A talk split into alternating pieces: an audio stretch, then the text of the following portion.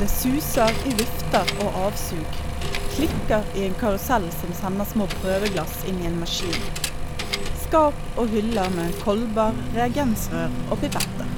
Og bitte små flaskebørster. Noen apparater som ser ut som de hører til på et storkjøkken. Vekter og måleapparater. Hanskeboks. Et slags glassbur med fastmonterte gummihansker i den ene veggen. Den blir brukt i mikroalgeprosjektet. Vi er i laboratoriet med kjemiker Vidar Jensen. Vi er her da ikke spesialister på å dyrke algene, men kanskje på å lage prosesser som bruker algene, bruker algene som råstoff. Ja, for Vidar Jensen er altså kjemiker på Universitetet i Bergen. Men nå jobber han med bitte små alger som du trenger mikroskop for å se mikroalger. Sammen med forskere fra flere fagfelt vil Jensen finne ut om algene kan gi oss råstoff til å produsere bl.a. plast. Det hele startet da han ble stengt inne på et hotell sammen med en gjeng mennesker han ikke kjente fra før. Ja, det er litt interessant, for det var vel Forskningsrådets første såkalte idélab. Og da var vi rundt 30 eh, forskere som ble låst inne på et eh, hotell oppe i Holmenkollåsen midt på vinteren. Og vi fikk ikke lov å gå ut eh, på en liten uke før vi hadde kokt opp noen nye og banebrytende prosjekter. Så da, da, ble det Et av de prosjektene ble det vi fikk her, som, som går på bruk av mikroalger. Ikke bare til å lage plast med, men eh, mange ulike produkter. Eh, inklusive også mat, faktisk. For det er også en av fremtidens utfordringer. Havet kommer, altså bruk av havet kommer bare til å bli viktigere og viktigere, eh, også for å få mat til de snart ni milliardene mennesker på jordkloden. Men, men, hvordan er det å bli nærmest tvunget til å finne på noe i en sånn lukket forsamling? Ja, det var en eh, spesiell opplevelse. og i, starten kanskje litt eh, stressende. Men når man da etter hvert blir kjent, ja, mer og mer kjent med de andre som er til stede, så eh, altså presset sammen og, og, blir tvunget til å bli kjent, så skjønner man etter hvert ok, der, er, der fins det muligheter. denne personen der kan noe som jeg ikke kan, og som, som kan være nyttig i et sånt prosjekt. Og så etter hvert så begynner man å se konturene av mulige samarbeid. så i dette prosjektet nå så har vi samarbeid som jeg aldri trodde ville være mulig for meg å ha. Ja, for du er jo kjemiker.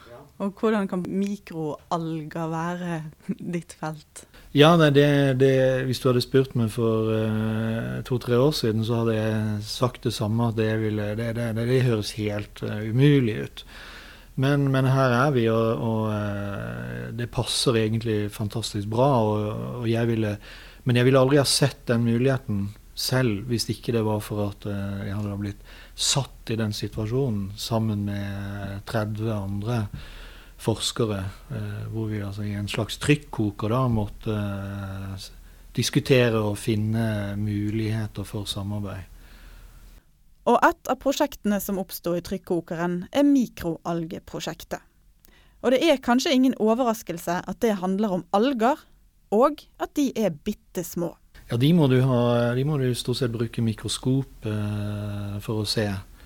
Eh, og det finnes uh, uendelig mange, mange, varianter av dem. Det er mange ulike arter, og de har mange ulike uh, egenskaper, mange ulike ting de produserer. De, noen er gode på å produsere f.eks. Eh, det vi kaller lipider, altså oljer og fettstoffer. Andre produserer mer sukkerlignende eh, forbindelser.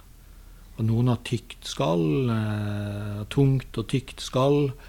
Eh, harde skall, andre er mykere og har tynnere skall osv. Så, videre. så det fins det er også noe av det som gjør dette interessant, og gjør at det, vi, vi, ser for oss at det kan brukes i mange ulike sammenhenger i eh, framtida. Hva er det de kan gjøre for oss, eller hva ser dere for dere at de skal gjøre for oss i fremtiden? Ja, Det er alt fra, alt fra mat, altså dette er jo fettstoffer eller oljer som, eh, som, ligner veldig på det vi kjenner som matolje, eller det vi alle har på kjøkkenet, olivenolje, soyaolje osv. Eh, så det er klart det kan brukes også i, i, i eh, retning mat. i framtiden, men, men, dette er da eh, Disse oljene inneholder det vi kaller fettsyrer. Og de eh, kan være startpunkt for en lang, lang rekke kjemiske prosesser som kan gi helt andre ting enn en mat. Og det er først og fremst der vi jobber nå.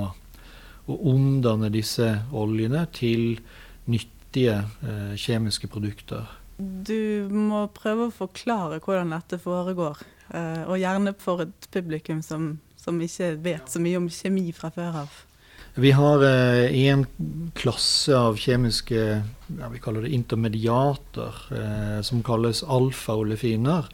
Eh, og de, de, er det ikke så mange av oss som vet noe om, men, men de, eh, de, er startpunkt igjen i utrolig mange kjemiske prosesser, deriblant for å lage plast, altså polymer. Jensen forklarer at intermediater er en slags mellomstasjoner eller mellomprodukter. Man trenger alfaolefiner som en slags byggeklosser for å lage plast. Dersom du har en fettsyre som er umettet, og behandler den i kjemisk prosess i et laboratorium, kan du få et olefin. Kjemikerne lager et molekyl som kan settes sammen i lange kjeder, fordi det har en såkalt dobbeltbinding. Men da er det en del andre ting fra fettsyren som vi da har fjernet. Selve det som, kalles, som gjør at fettsyren var en såkalt syre, det er borte. Så vi har et litt kjedelig molekyl, men med den dobbeltbindingen. Og den dobbeltbindingen er det som gjør at de kan settes sammen i lange kjeder og bli til en plast. Bli til en polymer, da. Så du får egentlig ut et slags byggeklosser ja. som på en måte kan gå inn i plastfabrikken? Riktig. Si disse, disse alfa-olefinene som vi lager fra lipidene, som igjen kommer fra algene, de, eh, de eh, er byggeklosser. Ja, legoklosser. Og mange, mange, mange varianter av dem. ja. Mm. I ulike farger og størrelser. I utgangspunktet har de vel ikke så mange ulike farger, men igjen da, det, det blir mange legoklosser, og derigjennom så får du også mange muligheter for byggverk med disse legoklossene. Hvis du ser på polymeren som byggverk. da, så og vi, vi, omgir oss med mange mange ulike sånne plast, plasttyper hver eneste dag uten egentlig å tenke så mye over det. Alt fra en litt sånn myk eh, plastpose til en hardkvalitet eh, støtfanger på en bil, f.eks. Og alle de variantene vil det være mulig å fremstille med det nye råstoffet? Ja, altså det I ulike blandinger og ja, teknikker så, så, vil, så skal det være akkurat like mulig som det er per i dag. Bare man, man bytter bare ut disse legoklossene fra å være basert på ikke-fornybare til fornybare ressurser. Og det som skal til for at fettsyren skal bli til et olefin, er en katalysator. Et stoff som gjør omdanningen mulig. Og at det er akkurat den prosessen som går, altså i en reaktor. At du får akkurat den prosessen og akkurat det produktet du er interessert i, og ikke, ikke, ikke en blanding som du kanskje ellers ville få. Altså Uten katalysatoren så kan du da typisk måtte varme masse og, og jobbe hardt for å få produkt. Og så får du da en, en, en blanding som blir helt umulig å, å eh, rense opp i da i etterkant. Men med en, en bra katalysator så kan du typisk måtte varme mindre, du tilfører mindre energi, den kjemiske prosessen går mye lettere, og du får det produktet du er interessert i. Så nesten all kjemisk produksjon skjer ved hjelp av katalysatorer. Og vi, vi har i løpet av nå det siste året laget eh, flere nye katalysatorer som, som, er klart, klart bedre enn det man hadde før. Mm. Men her ligger dere helt i front? Ja, på disse, disse, katalysatorene som tar oss fra lipider, altså oljer, til disse viktige intermediatene, da, olefinene, de, der, der, er vi helt i front. Det er det ingen tvil om. Mm. Uh, vi har snakket en del om plast nå, men du har jo nevnt mat.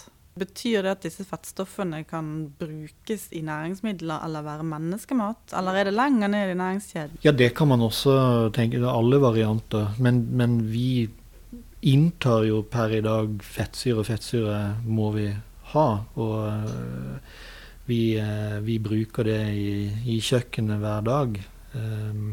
Så det er ikke så vanskelig å tenke seg at man, at man veldig enkelt kan oljer fra mikroalgen også komme inn der. Men jeg har ikke sett det i supermarkedene enda at man kjøper en flaske mikroalgeolje. Det har jeg ikke sett. Men, eh, men, i prinsippet er det ingenting i veien for det. For det er, kjemisk er det veldig veldig likt med, med de oljene vi, vi, spiser per i dag, eller har i stekepannen, eller Mikroalgeprosjektet går mot slutten. Det er et knapt år igjen, men Jensen og hans kolleger håper å få mye ut av tiden. Jeg håper at vi eh, kan utvikle de katalysatorene vi har fått så langt, eh, enda et steg i retning av eh, en industriell prosess. At man virkelig kan kjøre forsøk som viser at dette begynner å bli økonomisk bærekraftig også. Men det er klart vi, vi har vært veldig nede på grunnleggende forsknings nivå, så, så eh, jeg ser for meg at i løpet, altså i løpet, av det neste året så vil vi også gjøre forsøk som kan være med å overbevise eh, andre aktører, altså industriaktører, på at eh, dette her er verdt å se på.